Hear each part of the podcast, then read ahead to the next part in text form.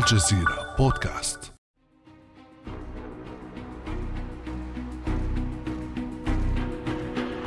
I'm here in Shanghai to assure our أنا هنا في شنغهاي من أجل التأكيد لأصدقائنا أن تقدم التجارة والانفتاح والحرية سيستمر. سوف تزداد قوة الروابط الثقافية والتجارية ويتسع نطاق التنمية الاقتصادية. توفر منطقة آسيا والمحيط الهادئ للعالم نموذجا وخيارا. اختر الانفتاح والتجارة والتسامح وستجد الرخاء والحرية والمعرفة. اختر العزلة والحسد والاستياء وستجد الفقر والركود والجهل. لقد حسمت الولايات المتحدة خيارها وفضلت الحرية على الخوف. freedom over fear. نعم للحرية لا للخوف بتلك الكلمات خاطب الرئيس الأمريكي الأسبق جورج دبليو بوش المسؤولين الصينيين في أول رحلة خارجية له بعد هجمات الحادي عشر من سبتمبر عام 2001 نعم الصين هي الوجهة فمعها سيتغير وجه العالم قريبا. في الشهر التالي وتحديدا في الحادي عشر من نوفمبر وفي فندق هنا بالعاصمة القطرية الدوحة تم التوقيع على انضمام الصين لمنظمة التجارة العالمية والإعلان رسميا عن اقتران التقنية الأمريكية المتقدمة بالإنتاج الصيني الرخيص. سريعا أصبح البلدان أكبر شريكين تجاريين في العالم وغزت العلامات التجارية الأمريكية المصنوعة في الصين كل بيت تقريبا. دعنا نطوي تلك الصفحة ونتابع أخبار اليوم. العالم يتغير مجددا. مدمرات غواصات وحاملات طائرات تزاحم سفن شحن البضائع في المحيط الهادئ أو محيط السلام كما اسمه بوش قبل عقدين. عقوبات متبادلة حرب رقائق معارك جمركية ونزوح للاستثمارات. لكن إلى أين؟ لماذا تسير العلاقات الاقتصادية الأمريكية الصينية نحو الانفصال؟ وأيهما يتحمل مسؤولية ذلك؟ وهل يمهد الطلاق الاقتصادي إلى مواجهة أكثر سخونة بين البلدين؟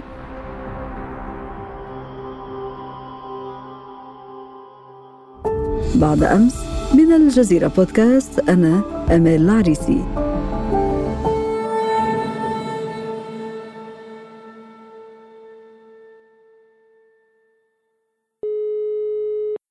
في هذه الحلقة أسعد باستضافة الأستاذ عبد الحافظ الصاوي الباحث والكاتب المتخصص في الاقتصاد. أهلا وسهلا بك أستاذ صاوي. أهلا بحضرتك أستاذ أمل. منذ اندلاع الحرب التجارية بين الولايات المتحدة الأمريكية والصين في عهد الرئيس الأمريكي الأسبق دونالد ترامب بدأ الحديث عما بات يعرف بفك الارتباط الاقتصادي بين الجانبين. وعلى عكس التوقعات لم تهدأ الأمور مع قدوم بايدن وساهمت أزمة كورونا وسلاسل التوريد في تعزيز ذلك المسار برأيك أستاذ صاوي ما هي أبرز ملامح هذا الطلاق؟ هو طبعا آه، العلاقة بين الصين مع أمريكا والاتحاد الأوروبي والعالم أجمع آه، بنيت في إطار التوجه الرأسمالي للصين آه، منذ بداية الثمانينات لكن آه، الوضع الآن تغير لأن الاستراتيجية التي بنيت من قبل أمريكا في مطلع الألفية الثالثة هي أن تكون الصين مصنع العالم. آه، من حيث توفير العمالة الرخيصة من حيث آه، توفير المواد الخام من حيث آه، إنتاج آه، قدر كبير من السلع التقليدية ولكن بطبيعة الأشياء الثروة صنو السلطة فحينما توفرت للصين هذه الإمكانيات الاقتصادية الكبيرة التي جعلت منها القوى الاقتصادية الثانية على مستوى العالم بعد أمريكا ظهر للصين مشروعها كقوة عالمية وليس فقط كقوة اقتصادية. بدأ مشروعها يتمدد في الخارج الصين بشكل كبير جدا من خلال الاستثمارات المباشرة مشروع طريق الحرير ومنافسة أمريكا كقوة على مستوى العالم شفنا ده في مطالبة الصين مع بعض الدول الأخرى بالبحث عن بديل للدولار لتسوية المعاملات التجارية والمالية وهو ما أزعج أمريكا. الأمر الثاني هو سعي الصين ليس فقط لتوطين التكنولوجيا ولكن لإنتاج التكنولوجيا ومنافسة أمريكا في هذه النقطة. فإذا ما تحقق للصين هذا الأمر في امتلاك ناصية التكنولوجيا وهذه القوى الاقتصادية والمنافسة السياسية إذا هي مجرد مسألة وقت حتى تزيح أمريكا من قيادة العالم وهو ما أزعج أمريكا وبدل من استراتيجيتها بشكل كبير جدا وإن كان ترامب في عام 2018 بدأ ما يعرف بالحرب التجارية إلا أن الأمر لم يكن يتعلق بترامب ولكنها استراتيجية أمريكية تم تبنيها بشكل كبير ورأينا ملامحها من خلال حجب التكنولوجيا عن الصين على مدار السنوات القليلة الماضية بل ورفض المنتجات التكنولوجية لبعض الشركات الصينية. فبالتالي تبنت أمريكا هذه السياسة بالتخفيف من علاقاتها مع الصين. هذه الاستراتيجية الأمريكية التي تحدث عنها أستاذ صاوي كيف ردت من خلالها أمريكا؟ أعطينا بعض مراحل هذه الاستراتيجية كيف تدرجت فيها الولايات المتحدة الأمريكية للتعامل مع مثل هذه المخاوف طبعا هذه المراحل بدأت بفرض رسوم جمركية مباشرة على المنتجات الصينية لصالح أمريكا وهو ما أزعج الصين بشكل كبير جدا ورأت أن في ذلك مخالفة لقواعد منظمة التجارة العالمية وبالفعل قدمت شكوى. لكن نلاحظ أن الصين كانت حريصة على أن تبقى علاقتها مع أمريكا وألا تصاعد لأنها كانت ترد بالمثل فقط. يعني إذا كانت الرسوم الجمركية التي فرضها ترامب في حدود 50 مليار في المرحلة الأولى فكانت الصين تفرض رسوم جمركية أيضا على وارداتها من أمريكا بنفس المبلغ. ولا تبدأ بالمبادرة بفرض عقوبات آه، جديدة لأن الصين لا تملك رفاهية أن تقاطع أمريكا فحجم التبادل التجاري في عام 2021 بين البلدين. بلغ 655 مليار منها 504 مليار صادرات صينية إلى أمريكا وواردات من أمريكا بلغت 151 مليار دولار.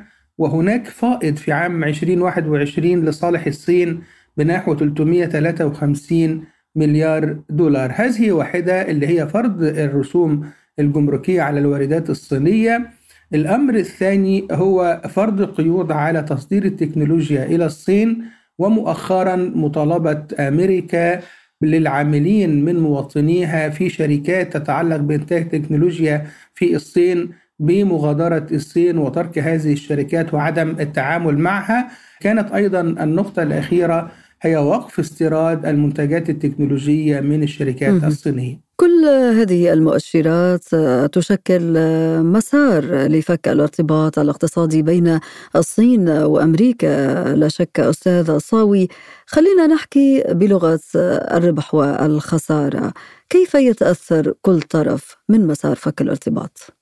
يعني التأثير طبعا في الأجل القصير بالنسبة للولايات المتحدة الأمريكية قد يتمثل في تراجع بعض المنتجات الصينية في السوق الأمريكي ومطالبة الحكومة أو الشركات بتوفير البديل وهو ما اتخذته أمريكا بالفعل بالتوجه نحو بعض البلدان مثل فيتنام ومثل سنغافورة ومرشح بشكل كبير جدا الهند وتركيا حتى تكون بديل للصين.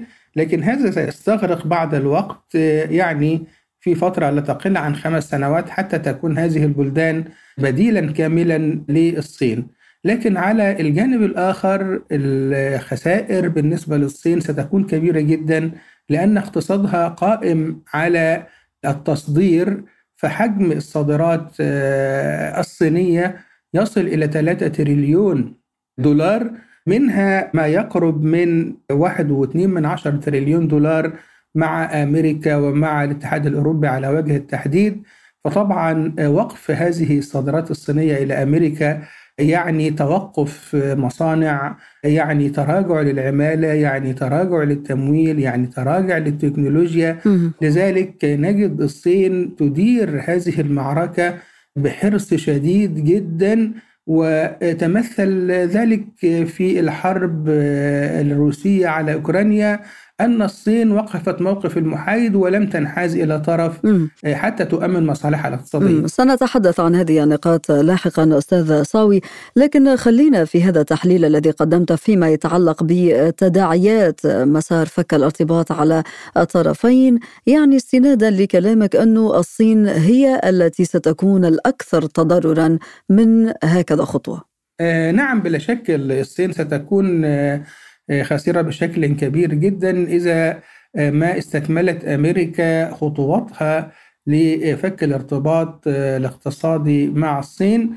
آه، يعني قد تكون الخطوة التالية في هذا التصعيد هو التأثير على وجود المواطنين الصينيين العاملين في مجال البحث العلمي أو طلاب الجامعات وما بعد المرحلة الجامعية بالحد من القبول للأعداد الموجودة.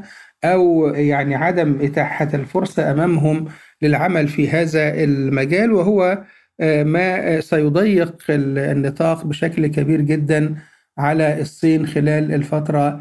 القادمة طيب أستاذ صاوي ما الذي تريدها الولايات المتحدة الأمريكية من الصين حتى تعود المياه لمجاريها أليس كل هذا المسار بمثابة ضغط على الصين حتى تراجع خططها بأن تستحوذ على السوق العالمية خاصة وأنها اليوم هي آه، يعني القوة الاقتصادية الثانية في العالم؟ آه، هو الأمر بالنسبة لأمريكا لا يعنيها حجم التبادل التجاري أو مساهمة الصين في التجارة العالمية حتى لو تضاعف آه، هذا المبلغ إلى أضعاف أضعافه ولكن هي القضية أن أمريكا ترغب في أن تظل الصين تحت الأمبريلا الأمريكية وأن يقتصر دورها فقط على أن تكون مصنع العالم. أما أن تنافس على التكنولوجيا أو يكون لها دور في النظام السياسي العالمي أو دور في النظام المالي والاقتصادي آه، بعد أن أصبحت العملة الصينية ضمن العملات الدولية المكونة لسلة العملات آه، في الاحتياطيات بالبنوك المركزية فهذه الخطوات التي أرقت أمريكا ودعتها لأن تاخذ مسار آخر بعيد عن المسار القديم لتحجيم الصين فالدخول في حلبة التكنولوجيا أو المنافسة السياسية أو العمل على سحب البساط من تحت أقدام الدولار.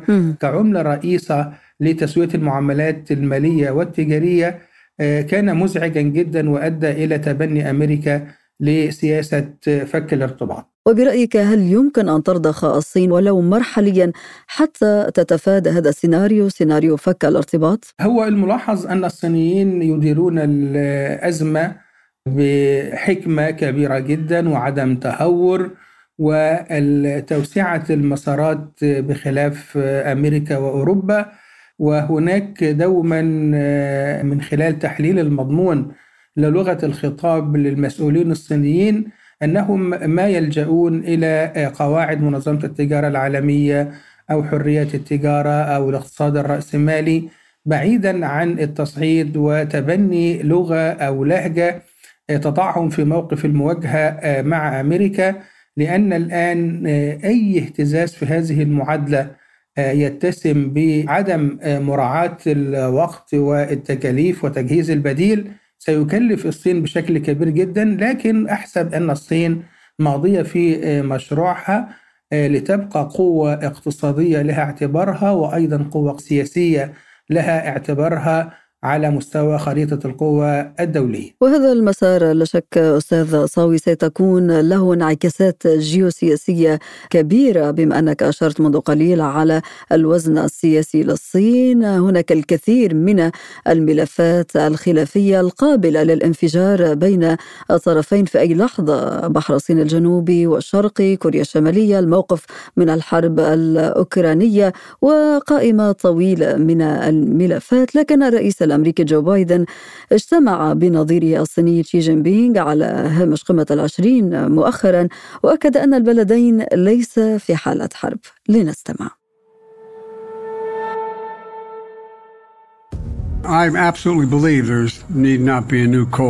أعتقد تماما أنه لا داعي لحرب باردة جديدة. لقد التقيت عدة مرات مع شي جين بينغ وكنا صريحين وواضحين في جميع المجالات ولا أعتقد بوجود محاولة وشيكة من جانب الصين لغزو تايوان وقد أوضحت أيضا أن سياستنا بشأن تايوان لم تتغير على الإطلاق. وبعد ذلك مباشرة ألمح بايدن إلى أن الأمور قد تتغير. Look, I think the United States is better prepared than أنا أعتقد بأن الولايات المتحدة هي الدولة الأكثر استعدادا في العالم اقتصاديا وسياسيا للتعامل مع أي تغير في الظروف في أي مكان حول العالم.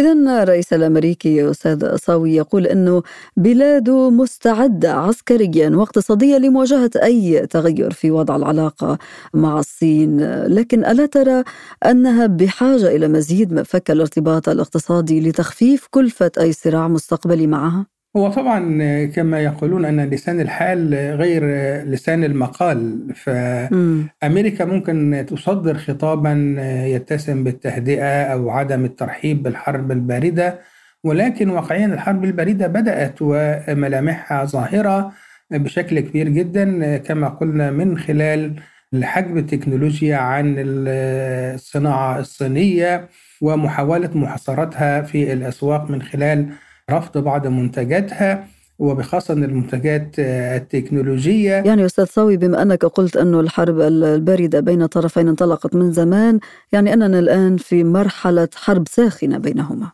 نعم إحنا وجدنا زيارة رئيسة مجلس النواب إلى تايوان على الرغم من الاعتراض الصيني والتهديدات وتحرك بعض القطع العسكرية ولكن أصرت رئيسة مجلس النواب على الزيارة وتمت بالفعل وأعلنت بعد ذلك الإدارة الأمريكية أن هناك زيارات أخرى ستتم من قبل مسؤولين أمريكيين إلى تايوان. كل ما تم من قبل الصين هو بعض المناورات لكن طبعا هذه المناورات كانت بمثابة رسالة بأن التصعيد العسكري وارد. وكما قال رئيس الصين في اجتماعاته مع بايدن في مجموعة العشرين بأن تايوان بالنسبة للصين هي خط أحمر يجب ألا يتم تجاوزه ولكن التصعيد على مستوى الجيوسياسي له مناطق عدة كما ذكرتم ملف كوريا الشمالية ملف الحرب الروسية على أوكرانيا وأمريكا قد ترفض المواجهة العسكرية المباشرة مع الصين لعدة أسباب.